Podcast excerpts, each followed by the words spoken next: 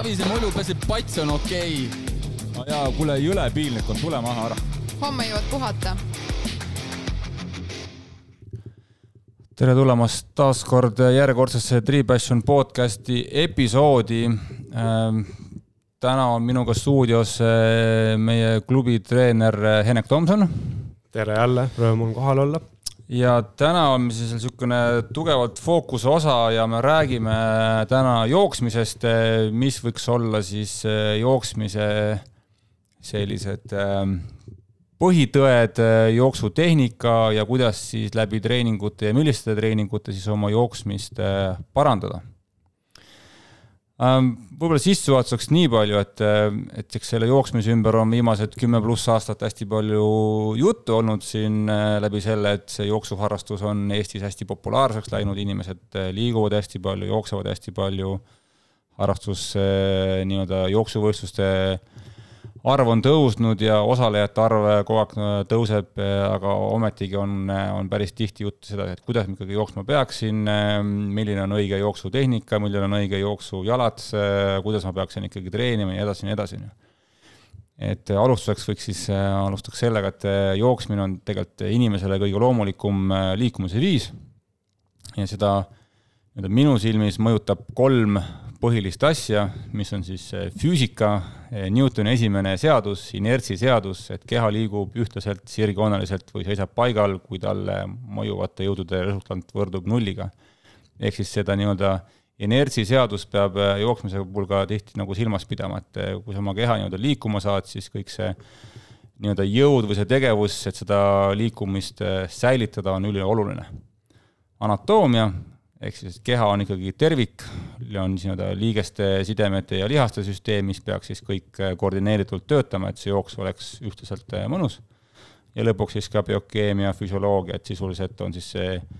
energia nii-öelda nagu tasakaal, et senikaua, kuni organismis on energiat, äh, on võimalik edasi joosta oma soovitud tempode ja kiirustega, kui see energia tasakaal hakkab ära kaduma, siis keha läheb veits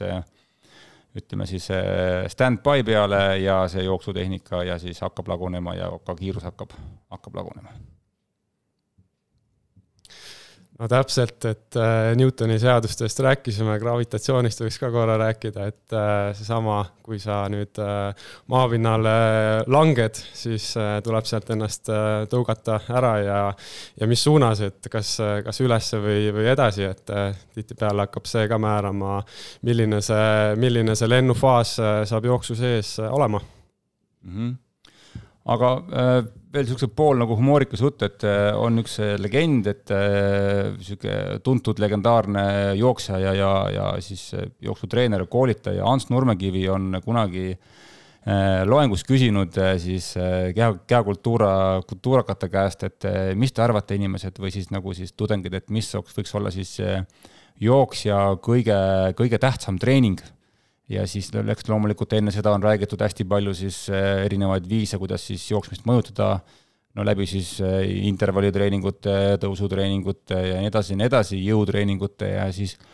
tudengid mõtlevad, mõtlevad, mõtlevad, et mis siis see kõige tähtsam asi on, mis siis seda jooksutreeningut ikka paremaks teeb ja mõtlevad ja mõtlevad ja siis hakkavadki pakkuma neid erinevaid asju, et ei, see laktaadijooks on kõige tähtsam ikka, see on kõige parem ja ei, see ikka liivasjooks on kõige tähtsam, see annab hästi hea võimsuse ja ja lõpuks siis ähm, härra Nurmekivi ütleb, et ei, tead, kõige tähtsam asi on see, et tuleb lihtsalt jooksmas käia. ja, ja seda ma omalt, ütleme, füsiotöös ka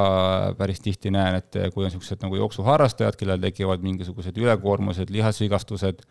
siis äh, päris tihti on seal näha seda, et see treening on olnud ähm, äh, ebaregulaarne, et joostakse võib-olla palju, intensiivselt jäävad väga, päris suured pausid sisse on üks nagu põhjuseks ja teine põhjus on, on siis see, et seda jooksutreeningut ei toeta siis mitte mingisugune jõutreening või hüketreening või jooksuharjutuste treening. Need on kaks niisugust nagu põhilist asja. et selle teema kontekstis kohe küsiksin sinult, äh, mis äh, on sinu treeningus olnud siis kõige suurem jooksumaht? kui sa oled triatloni teinud päris pikalt, siis eraldi jooksmisena oled ka mõõtnud seda äkki nädala mõttes või? no näiteks või kuu äh, mõttes äh,? kuud ei ole mõõtnud, aga nädala mõttes oleme küll äh, mõõtnud, et kuskil laagrites jooksime seal saja kilomeetri kanti. nädalas, mis tegelikult on praegu mõtled, et oli päris, päris palju, sest et sinna lisandus veel ju rattakilometraaž ja veel ka ujumine ja mis me veel nagu tegime seal. et, et seda oli päris palju, jah. et no. praegu, praegu ma arvan, ma oleks poole vähemaga ka üli nagu rahul mm. -hmm et minu äh, siis äh, taust on selline, et äh, umbes kümme aastat jooksu ja, ja siis kõige, kõige suurem kilometraaž on olnud kaheksasada kilomeetrit kuus. Ja seejuures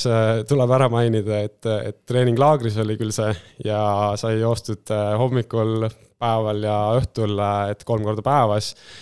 aga tõesti väga-väga hea vorm oli lõpuks äh, niimoodi, et äh, kahekilomeetriseid lõike sai joostud kolm tükki alla kuue minuti kõik, et äh, polnud probleemi hoida alla kolme minuti kilomeetrit mm. -hmm. et ma arvan, see oleks ka meil niisugune esimene nagu soovitus ka, et kuidas oma jooksuvormi nagu parandada, siis eks niisugune regulaarne jooksmas käimine oleks kõige nagu parem, et siis tekib kehal niisugune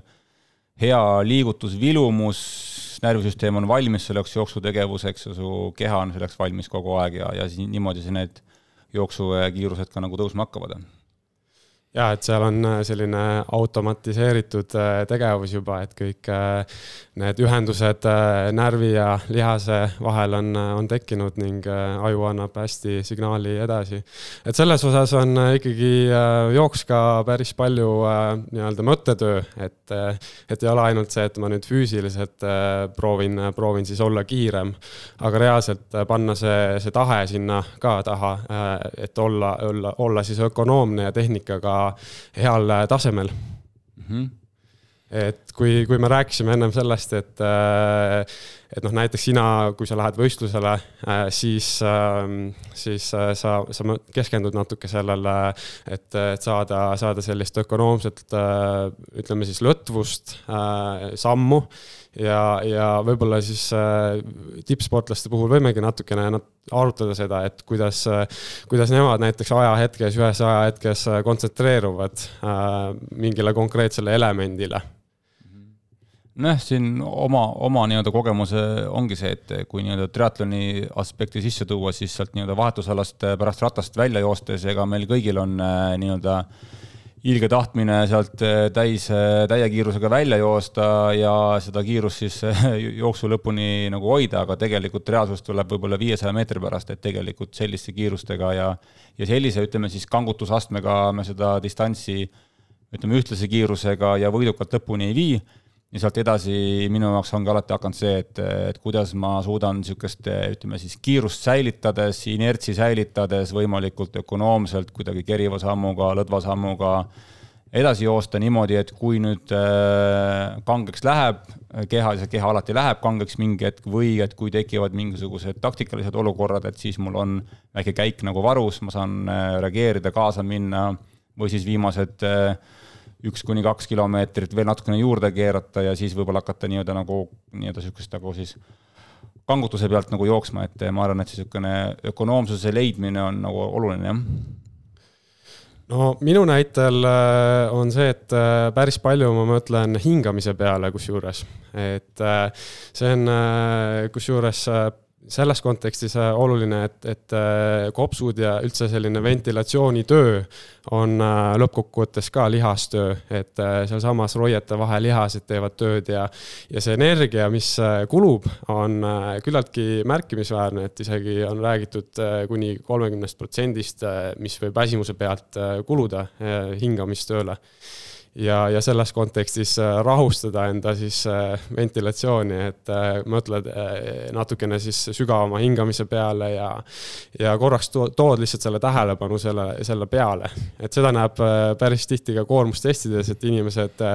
hüperventileerivad, kuigi siis õhku ja, ja hapnikku neile mahuks veel päris palju süsteemi, siis, siis nad ei hinga üldse sügavalt ja ei saa tegelikult seda piisavat õhku peale mm. -hmm. seda jah, spordiarstid on ka tihti rääkinud, et, et kui nii-öelda teevad selle spirogrammi, siis nii-öelda kopsumahud on nagu suured, on seal viie-kuue liitri juures, aga nii-öelda ventilatsioonid, et kuidas siis seda kopsu siis nii-öelda siis nagu kasutada suurtel koormustel, siis see ventilatsioon jääb seal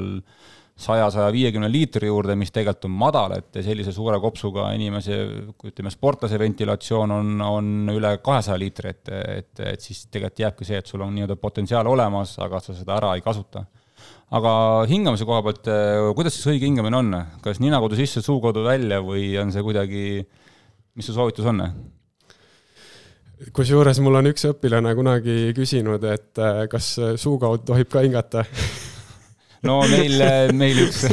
meil üks liige küsis eelmine suvi laagris, küsis, et kas ma võin rattal panna ees suure peale, et et äh, sealt, kus kõige rohkem õhku sisse mahub, et äh, võimalikult palju ikkagi õhku peale tuleks, ventilatsioon on selles koha, selle koha pealt suht, äh, suht paindlik, et hinga sealt, kust tuleb õhku mm. -hmm. nõus jah, et tegelikult võiks ikka jah, ütleme kasutada, ütleme, mõlemat hingamisteed, nii nina kui suud, seal on muidugi väikene mingi aspekt, ma ei tea, kui palju nüüd seda uskuda, aga väidetakse siis, et, et nina kaudu hingatud õhk, siis äh, hapnik äh, imendub paremini või nii-öelda jääb sulle paremini külge läbi nina, aga noh, kas see nagu tõsi on, aga, aga ütleme nagu rütmi mõttes, mida ma soovitan, et võib-olla niisugune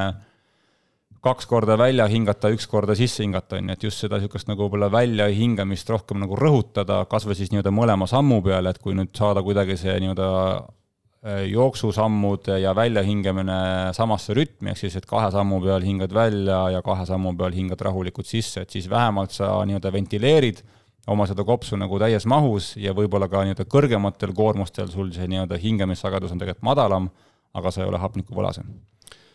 ma olen äh, siin trennides äh, teinud sellist harjutust, kusjuures, kus äh,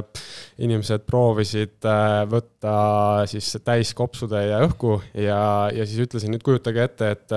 kiire jooksu ajal te proovite vähemalt saada kolmveerand sellest mahust, mis te ennem proovisite täismahuna siis. et, et see annab kohe selle tunde, et kui palju tegelikult ikkagi on varu ka sees kopsudes. aga mm, räägi sellest fast'ist no see on äh, selline kontseptsioon, mis on siis kuulsa Keenia jooksutreeneri äh, äh, isegi siis äh, nimi, nimi praegu meelde ei tule küll, aga, aga ta on siis äh, olnud äh, Rudisha näiteks äh, treener Rudisha, David Rudisha oli siis kaks tuhat kaksteist olümpial kaheksasaja meetri olümpiavõitja maailmarekordi ajaga olümpia siis sees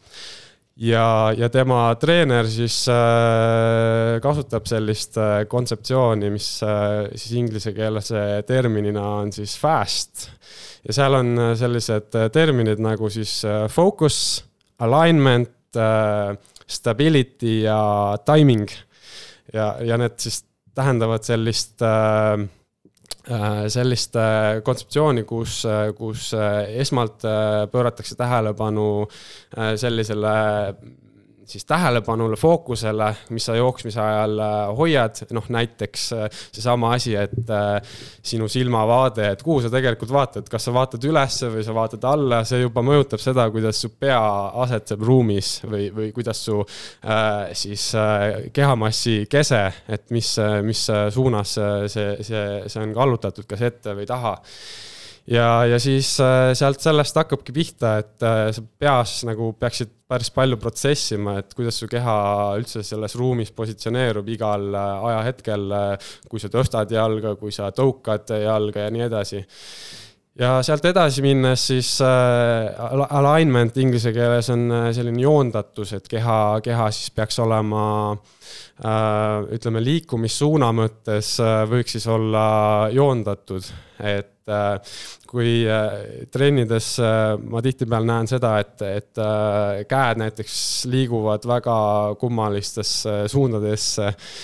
ja, ja tihtipeale tehakse lisaliigutusi ja, ja lisaliigutus on selles mõttes kulu kehale, sest rohkem energiat tuleb igasse lihasega seonduvasse siis liigutusse panna. ja see energia, energia säästmine on ju vastupidavusspordi kõige tähtsam element ja, ja siis ongi joondatus, äh, ongi see, et sa, sa proovid saada enda keha selliseks, et ta liigub ikkagi äh, täpselt selles suunas, kuhu sa, kuhu sa lähed. ja sealt edasi, siis äh, stability äh, on äh, stabiilsus ja stabiilsus on selle koha pealt oluline, et samamoodi, äh, kui sa nüüd maandud, siis äh, mida su jalad ikkagi teevad, kas su kompensatoorsed lihased, mis on sellised väiksed lihased, on ju, näiteks seal kanna juures ja üldse kõõluste lähedal, et mida nad kompenseerivad, kas nad suudavad amortiseerida näiteks selle, sellesama maandumise. ja kui ei suuda, siis on ju, tekivad sellised pronatsioonid ja nii edasi, eks ole. ja, ja sealt hakkavad ka sellised vigastused tihtipeale pihta ja, ja see stabiilsus ongi see, et, et sa suudad väsimuse pealt äh, ka hoida enda tehnikat ja nüüd viimane asi on, on timing ehk siis see ajastus, ajastus, kuidas ütleme, sa ära tõukad, kui kaua on lennufaas. noh, näiteks kui sa oled siis maaga kokkupuutes, seda aega saab ka treenida, seda aega saab treenida, et sa puutud maaga võimalikult vähe kokku. Ja, ja, ja samamoodi, kui, kui kõrgele näiteks su, su, su jalg üldse põlvest tõuseb, et, et see on ka omaette nagu selline ajaline kestus igal asjal ja sammul on oma kestus ja, ja nüüd kõiki neid asju siis äh, kokkuvõttes äh, saab sellise tervikliku äh, pildi ja seda on selles mõttes hea lihtne meeles hoida, et sul on võistluse ajal ka võimalik mõelda, et ahah, sellise akronüüm, sellise fast ja nüüd mõtlen nendele neljale punktile ja ma usun, et, et võistlustulemus võib juba olla üks protsent, üks-kaks protsenti parem, et, et juba -hmm. selle, selle, selle nii-öelda mõtlemise taustal jah, see läheb, äh, see läheb nii-öelda minu loogiga ka päris palju kokku, et äh, kui ma tihti olen ka nagu inimeste käest küsinud kasvõi mingisuguses üke nagu treeningus ja, ja küsingi, et, et kuidas sa ära tunned, et kas, kas mööda jooksev inimene või vastu jooksev inimene on nagu jooksu, jooksu või mitte, et kuidas sa seda nagu aru saad, et kas sa vaatad talle peale, ma arvan, kes enam-vähem on jooksuga tegelenud, ta tegelikult saad ju aru mingisuguste aspektide järgi, et okei okay,, see inimene oskab joosta jo,, jookseb kiiresti ja teine inimene jookseb kuidagi passiivselt, vajub läbi ja kuidagi kulutab ennast rohkem, siis võib ka niimoodi ette kujutada, et nüüd selle alignment'i koha pealt, kui inimene jookseb sulle vastu äh, äh, valge T-särgiga, kus on suur punane täpp on keskel, ehk siis niisugune Jaapani lipuga ja mida vähem see nii-öelda punane täpp äh, su nii-öelda sinu ees nagu üles-alla, küljelt küljele liigub, äh, seda nii-öelda parem jooksja ta lõpuks on, et tema siis ütleme, niisugune nagu edasiviiv jõud ongi siis nii-öelda puusast edasiviiv niisugune üks nii-öelda nagu joon, on ju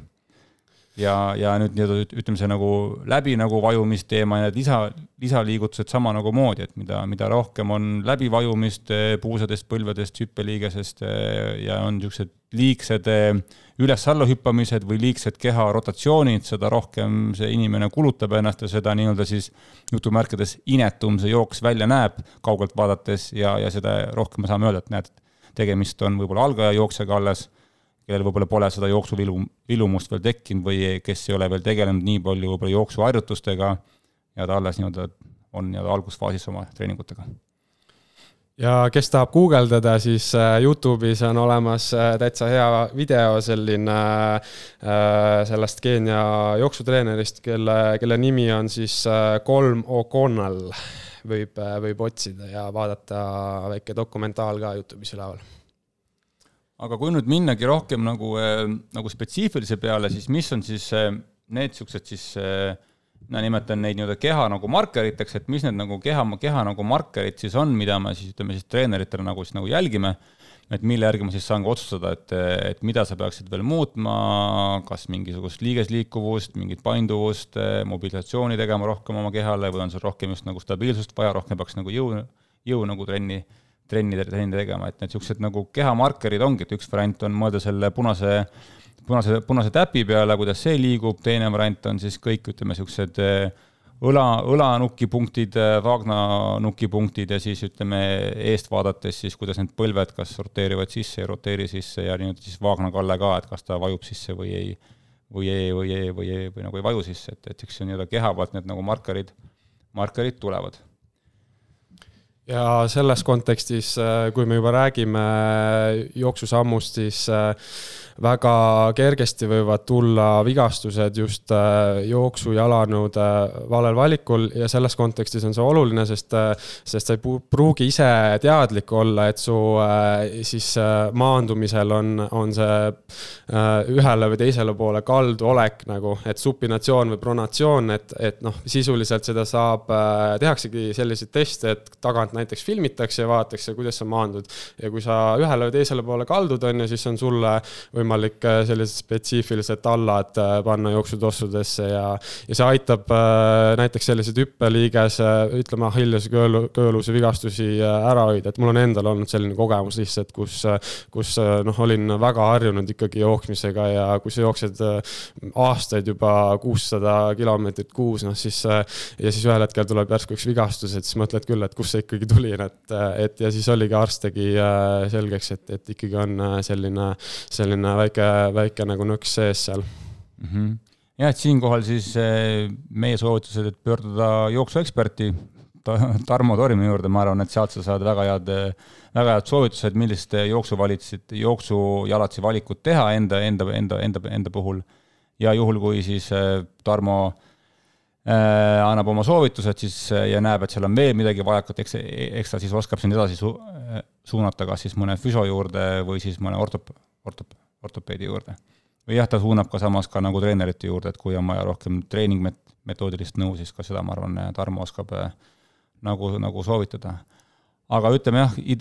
ideaalne niisugune jooksukeha, kehahoiak, eks see jah, minu puhul ka tihti hakkab ikkagi peast pihta, nii nagu ennem ka juba mainiti, et see peaasend, kuhu see pilk läheb, on ju,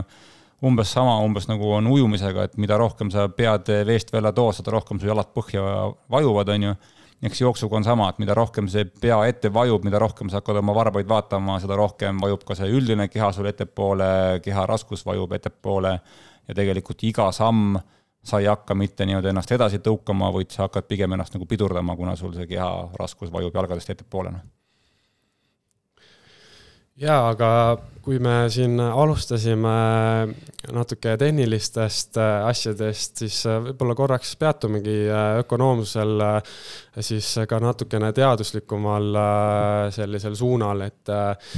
et äh, kui nüüd sportlane küsib, et kuidas siis ikkagi me mõõdame seda, kas ma olen äh, ökonoomsem või, või mitte, siis äh,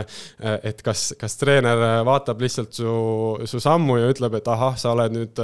nüüd kaks protsenti kiirem, et sa tundud, et oled ökonoomsem või, või tegelikult on seal ka päris nagu selline konkreetne teooria taga ja, ja, ja see teooria on täiesti olemas, et, et me saame seda mõõta. noh, üks, üks siis levinud viis on, on mõõta koormustesti kaudu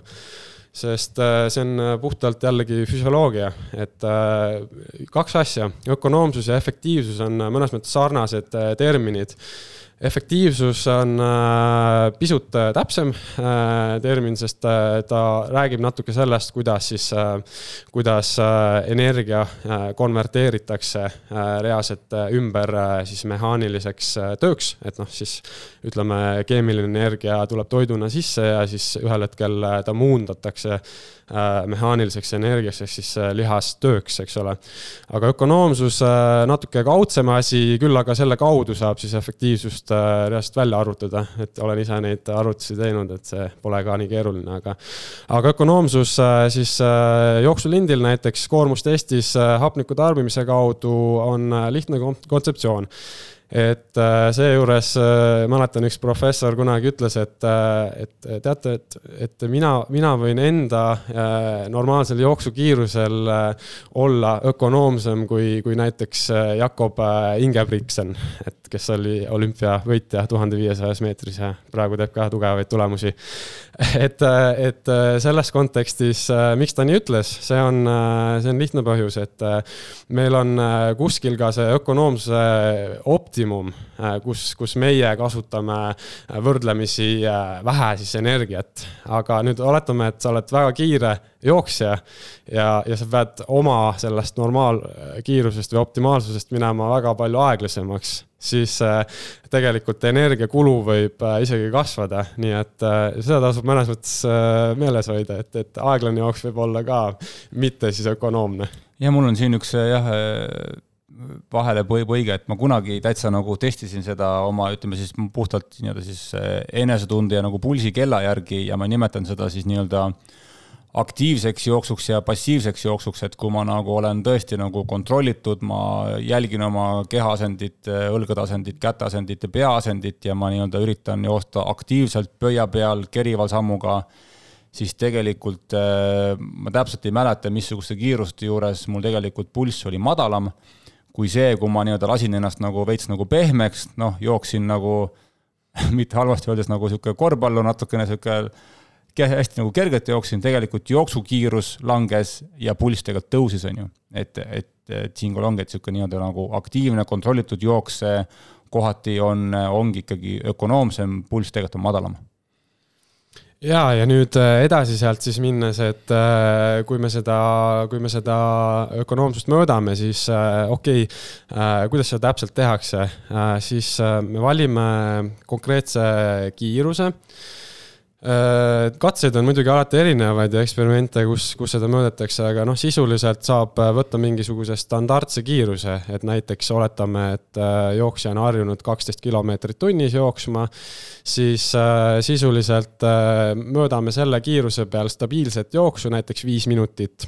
Ja, ja selle kaudu siis vaatame ka hapniku tarbimist, mis selle, äh, selle ühtlase kiiruse juures siis hapniku tarbimine on. Ja siis, kui ta nüüd tuleb äh, paari kuu pärast uuesti näiteks on harjutanud ja, ja siis nii-öelda arendanud ökonoomsust äh, ja siis mõõdame uuesti ja vaatame sama, sama kiiruse peal, et mis siis hapniku tarbimise näitaja on. Siis see, see näitaja peaks olema madalam, kui ta on ökonoomsemaks läinud. Ja, ja selles kontekstis äh, siis, äh, et mis, mis see, mis see ikkagi hapniku olulisus siinkohal on, et äh, toome selle ka korraks uuesti, uuesti välja et nüüd hapnik äh, äh, läbib nii palju erinevaid tasandeid kehas, et äh, kõikidel nendel tasanditel on, on võimekus siis ka areneda et kui me räägime näiteks südametööst, siis äh, süda ise muuda, muutub siis äh, pumbana efektiivsemaks. Äh, aga seal on ka palju teisi tasandeid, lõpuks me läheme ikkagi lihase sisse, me läheme mitokondritesse, vaatame, kui palju tekib näiteks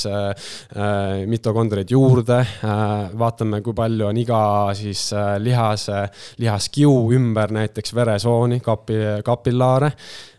ja, ja, ja, ja seda me näeme ka, et see, see muutus leiab aset näiteks pikaajalise sellise rahuliku tööga, on ju. Äh, on võimalik äh, teil neid väikseid peenikesi veresoonekesi juurde tekitada, ehk siis iga lihaskiuni jõuab natuke rohkem hapnikku ja, ja seda transporditakse pidevalt, on ju, läbi nende veresoonte ikkagi ja siis äh, need tasandid, äh, noh, tuleb selles osas äh, meeles hoida, et, et, et see ei ole üks asi, mis sind nagu teeb kiiremaks, vaid seal on nagu, et sa ei saa öelda, et ainult teen, teen sprindi, sprinditrenni ja nüüd olen, olen sellepärast vastupidavuse mõttes ka kiirem, et, et sellepärast ongi hästi terviklik selline jooksu, jooksutreening ja, ja, ja, ja nagu plaan võiks olla, et kõiki neid asju kombineeritakse, et anda nagu kõikidele siis äh, süsteemidele äh, seda arengut. ja, ja ökonoomsuse osas äh, ei ole ainult siis äh, äh, ei ole siis ainult äh, võib-olla jooks ise äh, kõige olulisem äh,. on ka selline lihtne valem veel, et jõutreening kui äh, nüüd sellel peatuda veel, äh, siis ma arvan, et me räägime natuke pikemast, pikemalt sellest äh, treening, treeningu nagu kontekstis. no võib-olla jah, võtame selle jõutreeningu uuesti ette saate lõpupoole, kui me räägime siis konkreetsetest nagu soovitustest, et mida siis ikkagi teha, et, et oma jooksu parandada aga mul üks, üks idee siis veel, et noh, nii-öelda kui me mõõdame seda äh, koormust testi kaudu, siis äh, üldiselt on, äh, olen näinud katseid ja, ja erinevaid artikleid sellel, selles kontekstis siis lugenud ja ja põhimõtteliselt seesama, sama idee, et kui sa lihtsalt jooksed rohkem, siis see toob juba ökonoomsuse numbri, viib, viib nagu paremaks. et, et ei ole vaja esialgu väga keerulisi süsteeme endale välja mõelda. see, see, et sa lihtsalt käid tihedamini jooksmas äh, ja vähehaaval siis äh, muudad iga, iga treeningu nagu sellist mahtu, iga jooksu äh, pikkust hakkad vaikselt venitama, siis see, see annab juba tulemust, kas su soovitus oleks siis nii näiteks, et kui oletame, et praegu keskmine kas jooksja või, või, või nagu triatleet, ütleme, et ta jookseb äh, ta jookseb mingi kolm-neli korda nädalas, mis tegelikult on, ma arvan, päris juba okei okay tulemus, kolm korda nädalas jooksmas käia kõigi muu asjade kõrvalt, on ju, kas, kas teil võiks tekkida nii-öelda next level või nii-öelda väike arenguhüpe juba puhtalt selle pealt, kui ta näiteks käiks iga hommikul, jookseks kolm-neli kilomeetrit enne, põhimõtteliselt tõuseb üles, paneb asjad selga, läheb, jookseb kolm-neli kilomeetrit, kõik ma enda õpilastele kogu aeg soovitan seda et, et kas see on, kas sa soovitad seda iga nagu päevaselt või see on kuidagi üle päeva või kuidas, mis sa arvad, kuidas see võiks olla? no strateegia mõttes äh, on see, et, äh, et kui sa alustad ikkagi näiteks seal viieteist, kahekümne kilomeetri pealt, on ju, et näiteks ei ole veel nii kaua teinud seda sporti, siis. nädalamaht on ju siis? jah, nädalamaht et siis äh, selle pealt nagu sa loomulikult ei saa viiskümmend protsenti järsku tõsta, et noh, kui sa paned äh, isegi seitse päeva nädalas on ju seal äh, neli kilomeetrit, noh siis see teeb päris suure mahu lõpuks kokku, et, et pigem siis nagu üle päeva. aga samas, kui on juba nagu parema sellise ettevalmistusega sportlane, kes on juba mitmendat aastat tegemas neid asju ja pole nagu katki läinud väga tihti, on ju siis või üldse mitte, siis et siis siis, nagu rohkem seda kombineerida, aga arusaadavalt ei ole nagu noh, päris kõike seda elu ei ole võimalik äh, panna spordi ümber, et siis mm. tulebki nagu natuke ohverdada seda aega, et, et võib-olla ei jõua kogu aeg teha seda jooksu nii palju ma olen jah, seda enda puhul ka kasutanud äh, päris tihti, et, et kui võib-olla jah, ei, ei jõua võib-olla neid siukseid võib-olla võtmetreeninguid nii palju teha või on muud asjad kuidagi kinni, siis vähemalt selle hommikujooksu ma aeg-ajalt ikkagi teen, et puhtalt seda, lihtsalt seda jooksu nagu, ma ei tea, vilumust nagu hoida, et see, et sihuke jooksusamm ära nagu ei kaoks ja ja kunagi laagrites olid mingid perioodid, kus ma ikkagi sisuliselt igal hommikul mingi viiekilomeetrise ringi tegin, et, et kas ta nüüd nagu juurde andis, kas ta mind väsitas, kuna paari tunni pärast hakkas nagu põhi nagu treening pihta, et aga jah, ma seda nagu tegin ja ma arvan, et see mingisuguse efekti ikkagi andis, et võib-olla andis ka niisuguse füsioloogilise efekti, et keha, keha harjus ökonoomitama, sest et ma ju põhimõtteliselt läksin hommikust, põhimõtteliselt hommikul kohe üles tõustes ilma söömata, põhimõtteliselt joomata, on ju, et noh, võib-olla mingi vett nagu jõin, et et võib-olla keha leiab siis ka need lisa, lisa mingid kanalid, lisateed, et kui nüüd siis triatloni ajal on äh, energia lõpukollal, siis ta juba teab, ahah, see on see tunne, kui sa hommikul käid jooksmas, et no küll ma siit leian seda energiat veel sulle, noh jaa, et, äh, et see tegelikult äh, võiks olla isegi äh, lühemad jooksud ja tihedamalt, et, et noh, see on seesama, see on seesama näide, et kas joosta ühe korra nädalas viiskümmend kilomeetrit või, või joosta viiel päeval kümme või, või lõpuks joosta isegi tihedamalt ja natuke vähem, aga, aga võib-olla ülekoormuse mõttes alati nagu nagu ülipikaks äh, venitada jooksu äh, ei, ei tasu ka, aga samas muidugi sellel on oluline nagu koht äh, triatlonis ja, ja vastupidavas spordis, pikal treeningul ma siis mõtlen, et sul ikkagi see üritus ise kestab nii, nii, nii pikalt, et sa pead olema valmis selleks ja, ja, ja treeningutes ka ikkagi tunnetama ära, et okei okay,, kui sa ei ole kordagi elus jooksnud kahetunnist jooksugi ja siis sa lähed järsku tegema seda maratoni, et siis, siis võib nagu ikkagi raputada mõjutada seda organismi päris äh, tugevalt sinu soovitus, mis üldse oleks keskmisele harrastussportlasele, võtame siis jooksja või ka triatleet, et äh, kõige pikem jooksutrenn, mis ta võiks teha ajaliselt? ütleme, et mis sa arvad, mis ajast edasi pole enam, enam mõtet joosta, noh? et nii-öelda vigastuse oht äh, hakkab üle mängima seda asja no ma olen äh, ise enda näitel noore sportlasena, kui ma ise veel olin äh, kogenematu, äh, jooksin kõige pikema jooksu kakskümmend kuus kilomeetrit, aga see oli tempojooks siis, kakskümmend kuus kilomeetrit umbes kolm nädalat enne maratoni ja ma tegin maratoni alla kolme tunni, nii et siis äh, ei olnudki vaja nagu neljakümmet kahte proovida ennem, et äh, tegelikult sa saad väga hästi aru juba, kuidas äh, toimib, kui sa, kui sa juba üle kahekümne kilomeetri suudad äh, joosta. Mm. Et ma ka jah, siinkohal soovitan siit äh, noh, üle, üle kahe tunni järjest jooksmist ma ei, väga ei soovita, kui sa oled tõesti äh, kondisem ja hästi stabiilne jooksja ja oled juba nagu kogenud jooksja, loomulikult sa võid rohkem joosta, aga nii-öelda keskeltläbi keskmine inimene, kui sa kahe tunni peale välja oled jõudnud, siis sealt edasi juba vigastuse oht, ma arvan, nii palju tõuseb. ja võib-olla jah, teine asi on võib-olla siis niisugune nagu seitsmekümne protsendi reegel, et eh, kui sa näiteks äh, sa tead, et sul eeldatav äh, poolpika triatloni jooksuaeg tuleb üle kahe tunni näiteks ja siis sa oled nagu mures, et oi, et oi, et kas ma nüüd peangi hakkama üle kahetunniseid nagu jooksutrenne tegema, et siis seda üle nagu elada, siis tegelikult sa võid võttagi selle, et kui sa tead, et sa umbes kaks tundi jooksed seal, siis sa võid võtta sellest kahe tunnist umbes seitsekümmend protsenti ja teha umbes kuni selliseid treeninguid äh, ja ma arvan, sellest hästi piisab, et su keha tegelikult saab aru küll, et mis see nagu tähendab, mis sind ees ootama, ootama, ootama hakkab. aga tulles tagasi korraks selle hommikujooksu poole, kas intensiivsus on ka seal nagu oluline või ei ole, et äh, võin hommikul kohe nii-öelda nagu vahetusajast välja joostes hakata jooksma või pigem võtaks nagu rahulikult selle hommiku? Ja üldiselt äh, enda sportlastele soovitan äh,, soovitan hoida esimeses tsoonis äh, asjad äh, hommikul ja Äh,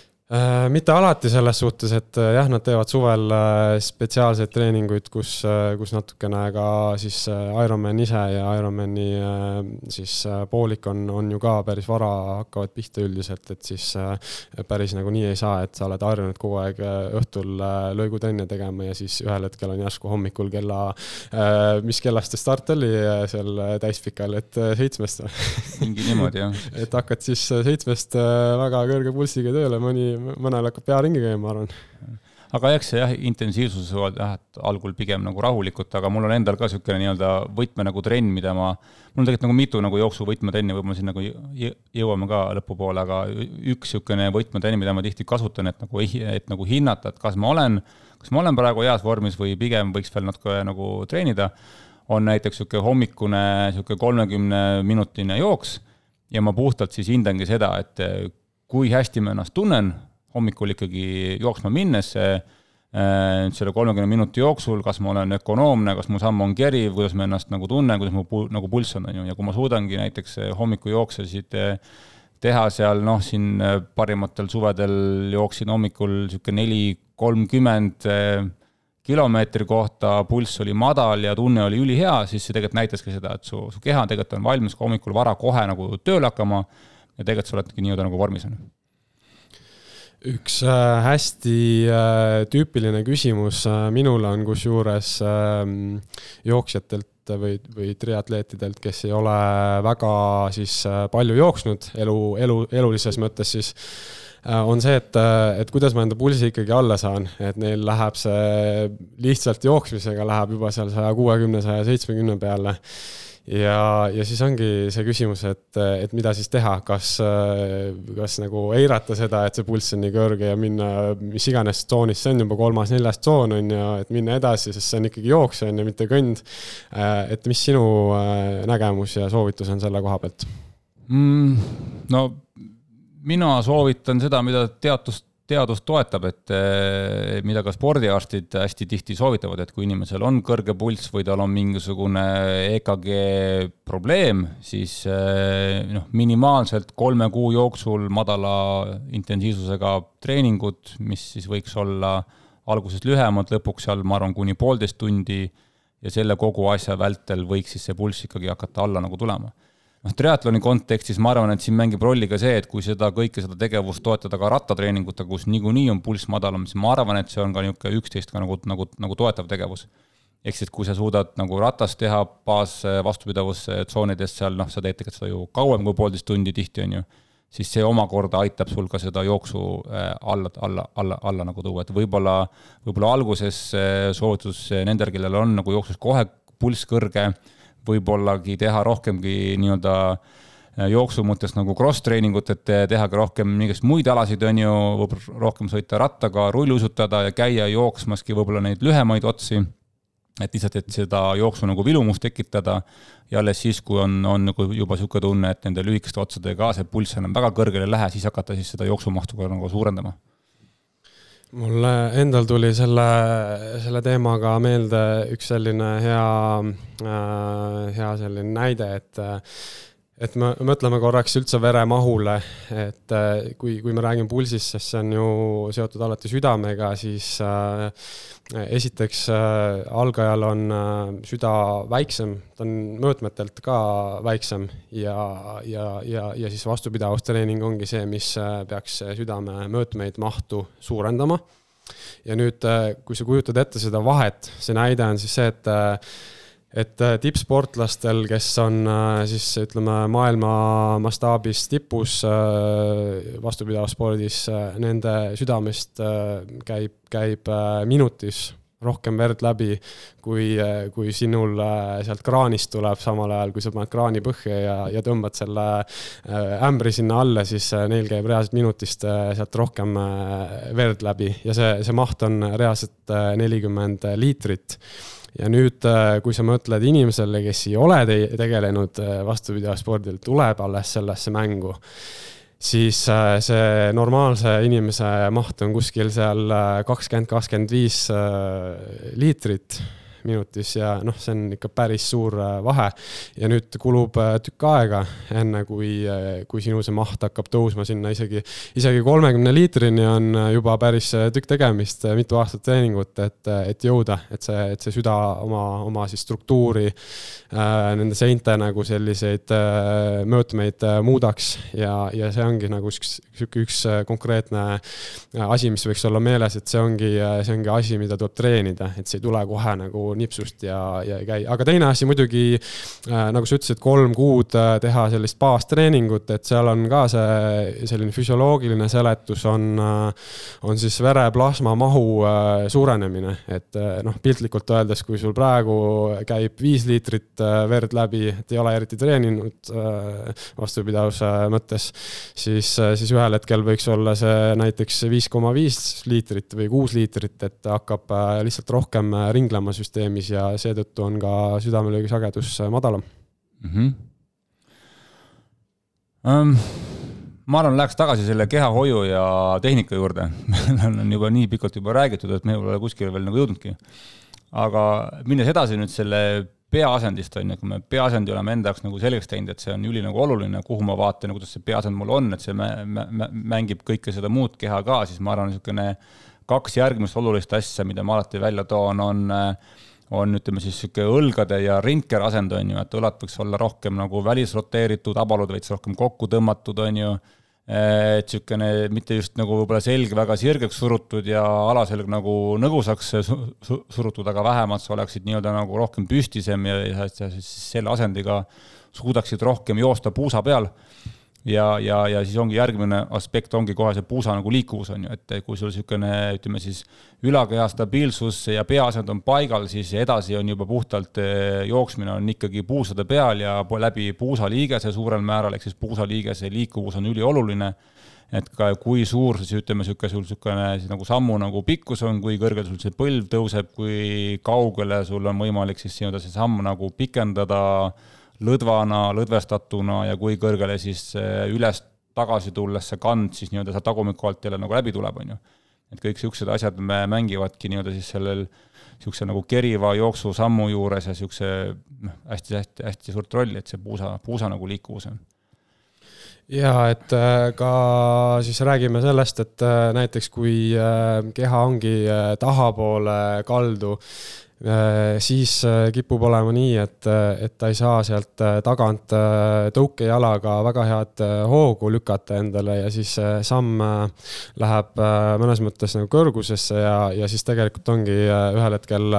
see, sammu pikkus, kui sa nagu mõõdaksid seda, et mis iganes kiirusel on ju, on see poolteist meetrit, on see kaks meetrit, see lennu, lennu pikkus on ju, et see jääb kohe lühemaks mm. ja teistpidi on täpselt sama efekt tegelikult, kui sa oled liiga palju ette ette kaldu, siis äh, on, äh, on samamoodi samm on, äh, samm on liiga lühike ja, ja, ja sa ei suuda juba, juba nagu see jalg maandub, et see lennufaas on lihtsalt niivõrd lühike mm. -hmm. ma siin leidsin ühe mingi uuringu ka, et, et just hinnati seda nii-öelda puusa, puusa liikuvuse kraade ja siis hüppeliikuvuse kraade ja seal on ikkagi teatud need kraadid välja toodud, et siis nii-öelda see puusa ette, ette toomine kindlasti üle täisnurga ja nii-öelda selja taha, siis ütleme, niisugune siis nii-öelda koos selle tuhara pingutusega puusa taha minek peaks olema vähemalt kuuskümmend kraadi, et see niisugune samm oleks piisavalt nagu lõdva, on ju, ja hüppeliige siis samamoodi, et see nii-öelda siis see, see sirutus, sirutuspool noh, viisteist, viisteist, viisteist kraadi miinimum ja siis see nagu Äh, oota, nüüd ma valetan, äh, sirutuspool kolmkümmend kraadi ja siis nii-öelda varvas enda poole viisteist kraadi ja siis leitigi läbi selle, et äh, kui sa parandad oma niisugust siis nagu aktiivse jooksu puusa liikuvuse nurka ühe kraadi võrra see annab sulle kaks protsenti sammupikkust juurde, et noh, kui tehagi siin kiire arvutus, et palju siis see kaks protsenti on ja mis see nagu tähendab, noh, üt-, no oletame, et sa jooksed ühemeetrise sammuga, annab sulle kaks sentimeetrit juurde, sa teed, mitu sammu sa teed siis? sada, ütleme, sa saad niisugune sada, sada kuuskümmend sammu, no väga-väga palju ei tee, teed sada kuuskümmend sammu ja korrutad selle juba siis kahe sentimeetriga, sa saad siis kolmsada kakskümmend sentimeetrit, mis on siis äh, kolm meetrit ja kopikatega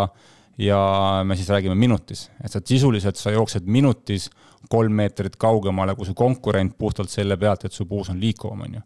ja noh, tegelikult need numbrid võivad nagu väga-väga suureks minna, kui sul on nagu probleem seal puusas, on ju, et kui me selle probleemi lahendame, siis sul nagu tegelikult niisugune lõtvus, ökonoomsus, sammu pikkus, kõik see nagu paraneb ja sa tegelikult hakkad äh, nii-öelda vähema, vähema kuluga, madalama pulsiga kiiremini jooksma lihtsalt jaa, et äh, aga millised on jooksufaasid? Äh, kui me nendest korraks räägime ka, siis noh, põhimõtteliselt see hakkab pihta sellest siis äratõukest, et kui toimub äratõuge, siis sellele järgneb lennufaas, ettehoog, jala, jala mõttes siis ettehoog ähm, ja, ja siis toimub ühel hetkel maandumine. Et äh, sellele järgneb siis äh, see hetk, kus jalg on äh, maas ja, ja seda nimetatakse toe, toefaasiks siis. et seal tuleb olla igas, igas siis sellises faasis tuleb olla tähelepanelik, et ei tekiks ei tekiks näiteks seesama joonduse mõttes mingisuguseid probleeme ja jooksutreener või, või, või siis liikumisspetsialist oskab seda hinnata. ja tüüpiliselt esimene selline lihtne kor-, korrektsioon on jooksuharjutustega, et jooksuharjutused muudavad muudavad siis tehnikat vilunumaks, seesama nii-öelda lihastöö, mis, mis on seotud näiteks sellesama kõrvalekaldega, parandab, muudab tugevamaks neid lihaseid ja, ja siis läbi selle kiirus paraneb ja ökonoomsus paraneb et jah, selle nii-öelda nagu sammu, sammu kerivuse mõttes siis ütleme, selle toefaasist rääkides ongi see, et see toefaas peaks olema ajaliselt võimalikult lühike, mida, mida lühemat aega on jalg maa küljest kinni, seda vähem sa ennast kulutad, mida rohkem sa oled lennufaasis, seda nagu tegelikult äh, äh, äh, sul kulub energiat vähem. Äh, sammu sagedus võiks pigem enamikul juhtudel olla pigem tihedam, kui seda nagu pikemaks venitada nii väga, vaid pigem mõelda selle peale, et see samm oleks kerivam, pikemalt, ütleme siis nagu jalg enda alt läbi kiiremini. Ja nii-öelda siis nagu hüppeliigese mõttes siis ka mõelda, et see hüppeliigese maandumispunkt võiks olla võimalikult nii-öelda siis ikkagi keha all või puusa, puusa all et mitte siis seda väga seda jalga ette nagu, ette nagu viia, et siis tegelikult toimub rohkem nagu pidurdus, et mitte nii väga nagu alt läbiviimine. ja aga siin äh, tõenäoliselt äh, kuulsad jooksutreenerid äh, ei, ei annaks meile ande, andeks, kui me ei räägiks kuidas siis ikkagi ära tõugata, et või, või rulluda nii-öelda, et korraks peatume sellel ka, mis mm, -hmm. mis on siis efektiivne, et et äh, noh, ütleme, mina olen selline jooksja, kes on harjunud äh, staadionil äh, kiirelt jooksma, ma olen see, kes, kes ei tee neid sada kaheksakümmend sammu minutis, teen võib-olla vähem ja pikema sammu ja tõukan ära siis, siis pöia, pöia ja päka, päka pealt mm. -hmm noh, aga seal niisugused noh, ökonoomsem ja võib-olla raskem nagu mina, ma olen niisugune keskeltläbi üheksakümmend kilo, siis ma olen niisugune rohkem nagu rulluva, rulluva stiiliga kindlasti ja ehk siis, et niisugune kanna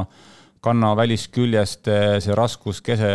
läheb mööda talla alust ja suure varvani välja, et niisugune nii-öelda nagu rulluvalt eh, kants, suur varvas, kants, suur varvas, et eh, et see on niisugune nii-öelda nagu pehme ja siinkohal on minu puhul hästi oluline, milline see jooksualats mul selas on, et teatud jooksualatsitega on seda lihtsam mul teha, teatud jooksualatsitega on seda raskem teha, ma pean rohkem selle, ise selle peale mõtlema, et seal jah, siinkohal jällegi tänud Tarmole, kes on mind siin hästi palju aidanud sellel, sellel teemal aga võib-olla just algajale noh, siis öelda ja mainida ära, et, et me tõenäoliselt kumbki ei tee sellist, sellist ähm, maandumist, et me pidurdame kannaga, et me paneme sellise nurga all kanna lihtsalt maha, et me tõe, tõepoolest tõmbame selle loo ikka täiesti maha, aga ma näen seda trennides, et, et selliseid äh, tehnikaid on ja ja, ja noh, selles suhtes äh, tuleb, tuleb vaeva näha, et, et need äh, harjumused ümber kujundada mm. -hmm. no see on jah, sama, sama asi, et kui see, mis iga, nimetame seda kannalöögiks või kanna mahapanekut või kus, kus see täpselt see jalg seal maha läheb, aga kui see jalg läheb maha keha all, siis seal seda pidurdust on niivõrd vähe ja see on nii nagu minimaalne, et ma arvan, sealt, see on nagu esimene as aspekt, mida siis nagu mõelda. räägime veits äh, käte, kätetööst ja võib-olla rohkem jah, käte nagu tööst, et äh, mida ma ka hästi nagu oluliseks pean, et nii-öelda see kätetöö rütm tegelikult äh, paneb äh, tööle ka jalad, et kui sa suudad käed töös, töös hoida, siis tegelikult ka jalad ka nagu aitavad, et võib-olla ka niisugusel väsimushetkel äh, jooksuvõistluse lõpufaasis, kui sa hakkad ikkagi juba ära vajuma, hakkab pea ära vajuma ja tunned, et sa enam jalade taga enam ei jaksa nii kiiresti ja nii head sammu teha, siis tihti aitab ka see, et kui see käed rohkem tööle panna läbi selle käte nagu töö, siis need jalad hakkavad ka nagu liikuma ja see kätetöö võiks olla ikkagi rohkem niisugune nii-öelda nagu külgede peal, mitte siis eest, eest läbi liikuvad käed, mis siis tekitavad niisugust liigset keha rotatsiooni, et rohkem siis ikkagi küünar, küünarnukis see käsi nagu taha nagu suruda ja siis see jalg liigub selle võrra siis samast nii-öelda inertsist ettepoole. Ja, ja puhtalt äh, lõdvestamine ka, et äh, tihtipeale ma näen äh, kiiremate lõikude puhul äh, jooksjaid, kes äh, kangutavad äh, rusikatega ja, ja, ja samamoodi pingestavad neid käsi kogu aeg, et need tuleks hoida selles mõttes lõdvad, et nad võivad olla küll nagu rusika mõttes nagu niimoodi paigas, need näpud, aga, aga siis äh, lihtsalt teadlikult korraks lased selle lõtvuse sealt äh, läbi. et õlgu ei maksa ka üles tõsta, see sind kiiremaks ei tee, pigem õlad tuleks alla, alla lasta ja õlad võib-olla jah, mööda seda väljapoole rotatsiooni ja abalud kokku, et see tekitab kohe sulle parema kehasendi nii, mis meil siin veel on, aga võib-olla äh, lähemegi siis edasi niisugustest äh, võib-olla siis nagu soovituste poole nagu, nagu treeningute osas, et, et kui sa nüüd ikkagi oled äh, oled äh, trenni teinud mingisuguse, mingisuguse aja, mingisuguse loogika, mingi mahu järgi ja ikkagi tunned, et võiks hakata midagi nagu spetsiifiliselt tegema, et mis siis on need nagu soovitused meie poolt, et mis need treeningud võiksid olla et ma alustan, teeme, ma arvan, vaheldume ise või? ma annan ühe soovituse, Enek annab järgmise, et minu poolt niisugune võib-olla esimene soovitus olekski ikkagi seesama, mis ma ennem ka rääkisin, et see jooksmine peaks olema regulaarne, eh, võimalikult eh, väikeste pikkade pausidega, ehk siis et kui seal vahele jääb juba kaks, kolm, neli, viis päeva, siis see on juba liiga palju ja, ja see on nagu esimene soovitus, et proovige joosta kas või lühemalt, aga jookske regulaarsemalt. ja sealt edasi siis läheb sellega äh, nii-öelda siis nagu next, next nagu level on see, et kui sa oled juba regulaarselt jooksnud, siis ma arvan, järgmine soovitus on, on see, et, et hakka tegema kas või nädalas korra või, või iga kahe nädala tagant ühte niisugust pikemat jooksu. Ja selle pikema jooksu mahu tõstmine võiks olla iga nädal niisugune kahe kilomeetri kaupa näiteks, on ju, et noh, oletame, et sa praegu jooksed kuskil kümmekond kilomeetrit, on ju, siis hakka näiteks iga kord see pika jooksu päeval, pane kaks, kaks kilomeetrit otsa ja, ja siis hakkad niimoodi vaikselt minema, et on kümme, kaksteist, neliteist, kuusteist, kaheksateist. ja kui, kui kõrge sa nüüd välja jõuad, siis juba pigem juba, juba siis nagu sõltub sinu jooksutempost, et no võib-olla tuleb see kahe tunni piir tuleb ennem tuleb vastu, on ju. pigem mõtle nagu selle peale ja, ja nii ongi mul võib-olla esimene soovitus niisugust pikka, pikka rahulikku, rahulikku mahu nagu trenni minu äh, poolt oleks esimene soovitus regulaarselt teha jooksuharjutusi ja needsamad äh, jooksud, äh, mis, mis äh, siis tihedamalt võiks toimuda, nende sees võiks korraldada siis jooksuharjutusi et äh, ise ka olen jooksjana kogenud seda, et no jube tüütu on äh, teha see soojendus ära, siis hakkad äh, jooksuharjutusi tegema, juba kakskümmend minutit läinud trennist, kolmkümmend minutit läinud trennist ja, ja siis ongi vaatad kella lõpuks on üheksakümmend minutit lihtne, lihtne neljakümne minutiline jooks tegelikult. et siis võib-olla selleks, et aega kokku hoida, kui tõesti ei ole, ei ole võimalik neid eraldi teha, muidugi eraldi on ka väga hea, et siis saab närvisüsteem rahulikult taastuda nende jooksuharjutuste vahel. aga kui teha siis siis jooksu sees siis näiteks hea soovitus oleks see, et kümme minutit teed soojendust, siis viis minutit on sellises formaadis, kus kolmkümmend sekundit teed jooksuharjutust ja kolmkümmend sekundit teed sörki või kõndi. ja, ja siis uuesti kolmkümmend sekundit, et niimoodi viis minutit siis. ja, ja siis sa lähed enda põhiosa juurde, kus, kus teed võib-olla midagi kiiremat ja, ja nii edasi et see on, see on selline hea nipp. mul no siinkohal tuleb meelde üks, ühe, ühe Ameerika treeneri eh, soovitus, et, et tal oli niimoodi, et kui küsida tema, tema käest, et kui tuleb tema juurde ütleme siis jooksu, jooksutreeninguid alustav inimene, kes pole kunagi varem jooksmas käinud, siis küsiti ka, ka, et millega ta pihta hakkab, siis ta ütles, et esimesed ma nüüd ei mäleta, kas oli kolm kuud või kuus kuud, eh, me ei jookse, sest et sa niikuinii ei oska jooksta, sul tekivad valed nagu arusaamad jooksmisest, et esimesed kolm kuni kuus kuud me teeme jooksuharjutusi ja siis me paneme sind alles jooksma. Et jah, seda ma olen tihti võib-olla enda pealt ka tundnud, et kui mingisugune vigastuse pausist nagu väljatulek on, siis hakata kohe nagu jooksma ei ole võib-olla kõik ta, ta, ta, ta, targem mõte, siis ma olen ka võib-olla alustanud niisugustest jooksuharjutustest, võib-olla mõned mingisugused lühemad lõigud ja pigem niisugust nagu mängulist poolt rohkem ja siis alles hakanud, hakanud tegema jooksu. ja, ja võib-olla siis äh, enne mainisime jõu, jõuosa ka, et see ei jääks nüüd siis ripakile et jõu osas äh, on äh, kõige paremaid tulemusi ökonoomsuse osas äh, näidanud siis äh, maksimaaljõud. Äh, see on konkreetselt äh, siis suure raskusega treening äh,. aga samas äh, ütleme nii, et maksimaaljõud ei ole ainuke viis, et näiteks on olemas plüomeetria, tehakse plahvatuslikke harjutusi, näiteks hüpatakse kasti peale, kasti pealt maha niimoodi kiires rütmis, et see aitab lihtsalt seda siis kommunikatsiooni äh, närvi ja lihase vahel äh, tõhustada. Ja maksimaaljõu efekt on täpselt sama, et lihtsalt muutub see jõu, jõuloome või jõu, jõutekke kiirus et oletame, et äh, nüüd äh, alustad enda sammu, siis äh, kui kiiresti jõuab see, see signaal sulle lihasesse ja kui kiiresti sa suudad realiseerida selle liigutuse. et see, see on ikkagi vabatahtlik liigutus, et autonoomne või selline teine närvisüsteem meid, meid, meid ei aita, me peame ikkagi oma tahtega need lihased ju tööle panema, et selles kontekstis on jõutreeningus maksimaaljõud hea. Ja maksimaaljõus võib-olla annan konkreetsemad mingid soovitused ka, et äh, võimalikult siis äh, lähedane võiks olla see harjutus äh, sellele liigutusele, mida sa, mida sa lõpuks sooritad, et noh, näiteks kui sa ikkagi lähed ratast sõitma või sa lähed jooksma, siis sinu need põhilihased, mis töö, töö ära teevad, on, on reie neli pea, reie kaks pea ja säärelihased, eks ole, et siis põhimõtteliselt hea harjutus näiteks jalapress või, või kükk, poolkükk pigem, ma kasutan ise õpilastega poolkükki tavaliselt, et vähem riske seal põlveliigesega ja, ja kordusi teha nagu äh, vähe, aga suure raskusega, siis näiteks neli, neli kordust ja neli seeriat ja teed äh, äh, maksimaaljõud, et mis see tähendab, et see on selline, selline üks kordus, mida suudad äh, maksimaalselt äh, suruda üles, näiteks oletame, et suudad äh, ühe korra sada kilo äh, tõsta, siis äh, järelikult see maksimaaljõutrenn võiks olla seal, alustada kuskil äh, natuke kergemalt, kui sa üldse kogenud ei ole selles asjas. ja küsida nõu pigem treenerilt ja, ja siis, kui juba oled heal tasemel, siis siis võib-olla teed juba seal kaheksakümmend kaheksakümne viie, üheksakümne protsendiga enda sellest sajast kilost teed neid kordusi.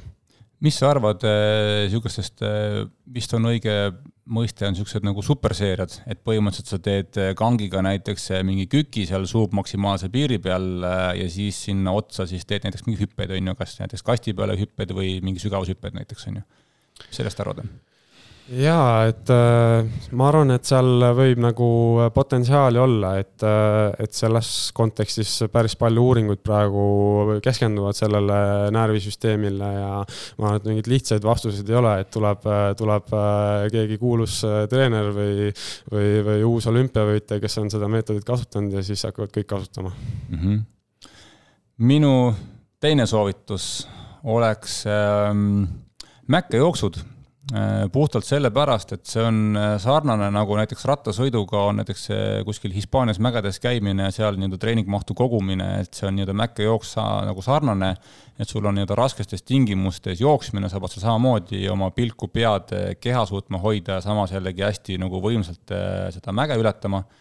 Ja seal nii-öelda vigastuse oht äh, on madalam kui näiteks joosta sirge peal kiiremaid lõike või näiteks nagu staadioni peal, aga samas see nii-öelda see, mis ta sulle annab, on nagu oluliselt, äh, oluliselt nagu parem. et jah, soovitus oleks siis jah, leida mingisugune tõus, mingi mägi, mis ma ei tea, ei pea väga pikk olema, viiskümmend meetrit, sada meetrit võib-olla ja siis seda sealt üles-alla joosta, et on ju, et väga te tempokalt üles ja rahulikult alla sörkida. mida võib veel proovida, et kui on võimalik, et seal mäe üleval on mingisugune väike niisugune platoo või mingi sirge, siis seda jooksmist ka nagu jätkata, et sul on niisugune nii-öelda nagu väike üle nagu minek ka, et sa jooksed selle tõusu ära nüüd üles minnes sa pead tegelikult siis nii-öelda oma seda sammutihedust nagu säilitama, aga sa tegelikult hakkad siis nii-öelda kiiremini, pikema sammuga edasi jooksma, on ju, et võib-olla jookse sealt veel üks niisugune paarkümmend meetrit edasi. et sul tekkis niisugune nagu üle nagu, üle nagu minek veel ka, et noh, mis iganes olukorras triatlonis või kuskil mujal võistlustel, sa kunagi ei tea, millal see võib nagu kasuks tulla, et kuidas sa nagu siis nii-öelda maastiku peal pärast tõusu edasi suudad joosta, et tihti need on need kohad, need on need olukorrad, kus tehakse vahesid sisse, kus on taktikamängu, et kes nii-öelda tõusu lõpus ründab, tõmbab seal vahe sisse, kas suudad järgi minna või mitte, ju, et niisugune nii-öelda keha nagu siis äh, ütleme siis nagu ümber nagu niisugune nagu lülitus, on ju, et kas või siis see, et see nagu tõusu jooksmine on hästi niisugune nagu ikkagi siis äh, pingutav tegevus ja siis pärast seda seal nagu sirge peal proovi ennast hästi nagu lõdvaks lasta jälle selle keriva sammu peale, raputa käed ära, proovi niisugune hea mõnus rütm endale leidma, et ma arvan, selle läbi, läbimängimine treeningprotsessis on ka hästi hea. Võib-olla üks soovitus veel äh, minu poolt, et äh, üldiselt äh, kiirusega siis mängida, et tuleks õppida, kus on see võistluskiirus lõpuks ja teha sellest üle nii-öelda suurema kiirusega ja teha sellest ka nagu siis madalama kiirusega, aga siis nagu pikemaid selliseid tempokrosse ja, ja kui konkreetselt nagu rääkida, et kus see võistlus saab sul olema, on ju, siis äh, noh, kui sul kogemust on vähe, siis on väga raske nagu äh, tunnetada, kas sa suudad laktaadi läve peal täpselt püsida, noh, seal äh, mis iganes sada seitsekümmend pluss pulsiga. et siis võib-olla õpidki nagu treeningutes teatud lõikude kaudu nagu seda, kus, kus see piir asub, et kui sa seda piiri ei kompa ja ei tunneta, siis on võistlustel ka väga raske lõpuks mm. -hmm. no kiiruse poole pealt mul on niisugune loogika, et, et nii-öelda niisuguse võtame kas või siis poolmaratoni võistlustempo äh, keskmine kilomeeter, äh, kilomeetri aeg, siis sellest ajast sa peaksid suutma treeningutel joosta lühemaid äh, distantse no niisugune kümme-viisteist sekundit kilomeetri kohta kiiremini. ehk siis, et kui sul on mingi plaan, näiteks sa tahad viie nulliga poolmaratoni läbida, siis sa peaksid suutma treeningutel joosta suhteliselt nagu, suhteliselt nagu noh, ütleme siis mitte kerge pingutusega, aga ütleme, et täitsa nagu tehtavalt neli, nelikümmend viis nagu te-, nagu tempo juures et kui see neli nelikümmend viis sulle ikkagi väga-väga raskeks kujuneb, siis tõenäoliselt selle viiega poolmaratoni läbimine ei ole võimalik. aga äh, viimane soovitus mul just seoses nagu triatloniga, et mida veel jooksu, jooksutreeningul teha, ta on niisugune, ma arvan, see võib olla ka niisugune täitsa tavaline, tavaline jooksupäev äh, see võib olla ka üleminekutreeningu niisugune nagu lühem jooks, noh, see võib olla täpselt seal kolmkümmend, nelikümmend minutit alates kuni seal tunni juures, on ju, et niisugune ei ole väga lühike jooks, ei ole väga pikk jooks, võib olla ka pärast siis nagu ratast, on siis see, et see jooks võiks olla tõusvas tempos, mis siis tähendab seda, et sa alustad võib-olla nagu natuke rahulikumalt ja iga siis paari kilomeetri tagant tõstad tempot seal viis-kümme sekundit kilomeetri kohta, et siis see nii-öelda lõpp oleks juba äh, Äh, see tempo võiks olla siis nagu sarnane selle võistlustempoga või isegi natukene kiirem, et tulles nüüd tagasi selle viie nulli ja pool, pool, pool maratoni juurde, siis näiteks ongi, et pärast ratta, ratta, rattatreeningut või puhasjooksuga alustad viie kolmekümnega ja järjest iga paari kilomeetri tagant tõstad seal tempot viis kakskümmend, viis kümme, viis null ja neli neli ja neli viiskümmend näiteks on ju, et siis sellega nagu lõpetad, et siis see, see annab sulle kehale sellise nagu impulsi mida tegelikult äh, triatlonis äh, väga tihti, kui mitte iga kord ei esine, see tähendab seda, et sa äh, distantsi lõpupoole sa kindlasti väsid rohkem, ehk siis see, et see pingutusaste joosta sama kiiresti on oluliselt suurem, ehk siis, et see võiks sul nagu sinna nii-öelda sisse jääda kodeeritult, et kui ma triatlonis jooksen, siis alati kogu aeg läheb raskemaks ja tempo tegelikult äh, ütleme, heal sportlasel jääb, jääb nagu samaks ja enamusel meid tegelikult ikkagi pigem see tempo natukene langeb, on ju, aga just nagu sellise treeninguga sa nagu harjutad oma keha ja niisugust nagu vaimu sellega, et et lõpp läheb kogu aeg raskemaks, lõpp läheb kogu aeg kiiremaks, et, et kui selle, sellist treeningut teed, ma arvan, see tuleb sulle päris palju kasuks üks äh, väike nõuanne veel äh, minu poolt ka, et äh, üleminekutreeningud, see, kui sa jooksed ikkagi peale ratast, see on hoopis teine asi, mis, mis lihtsalt jooksmine, et proovige seda ka ikkagi sisse panna treeningkavadesse mm. -hmm. Um, ma arvan, siinpool kõik, tund neli, tund viis on jutustatud jooksuteemadel ja, ja ma arvan, siinpool lõpetame. tänud tänud, tänud kuulamast.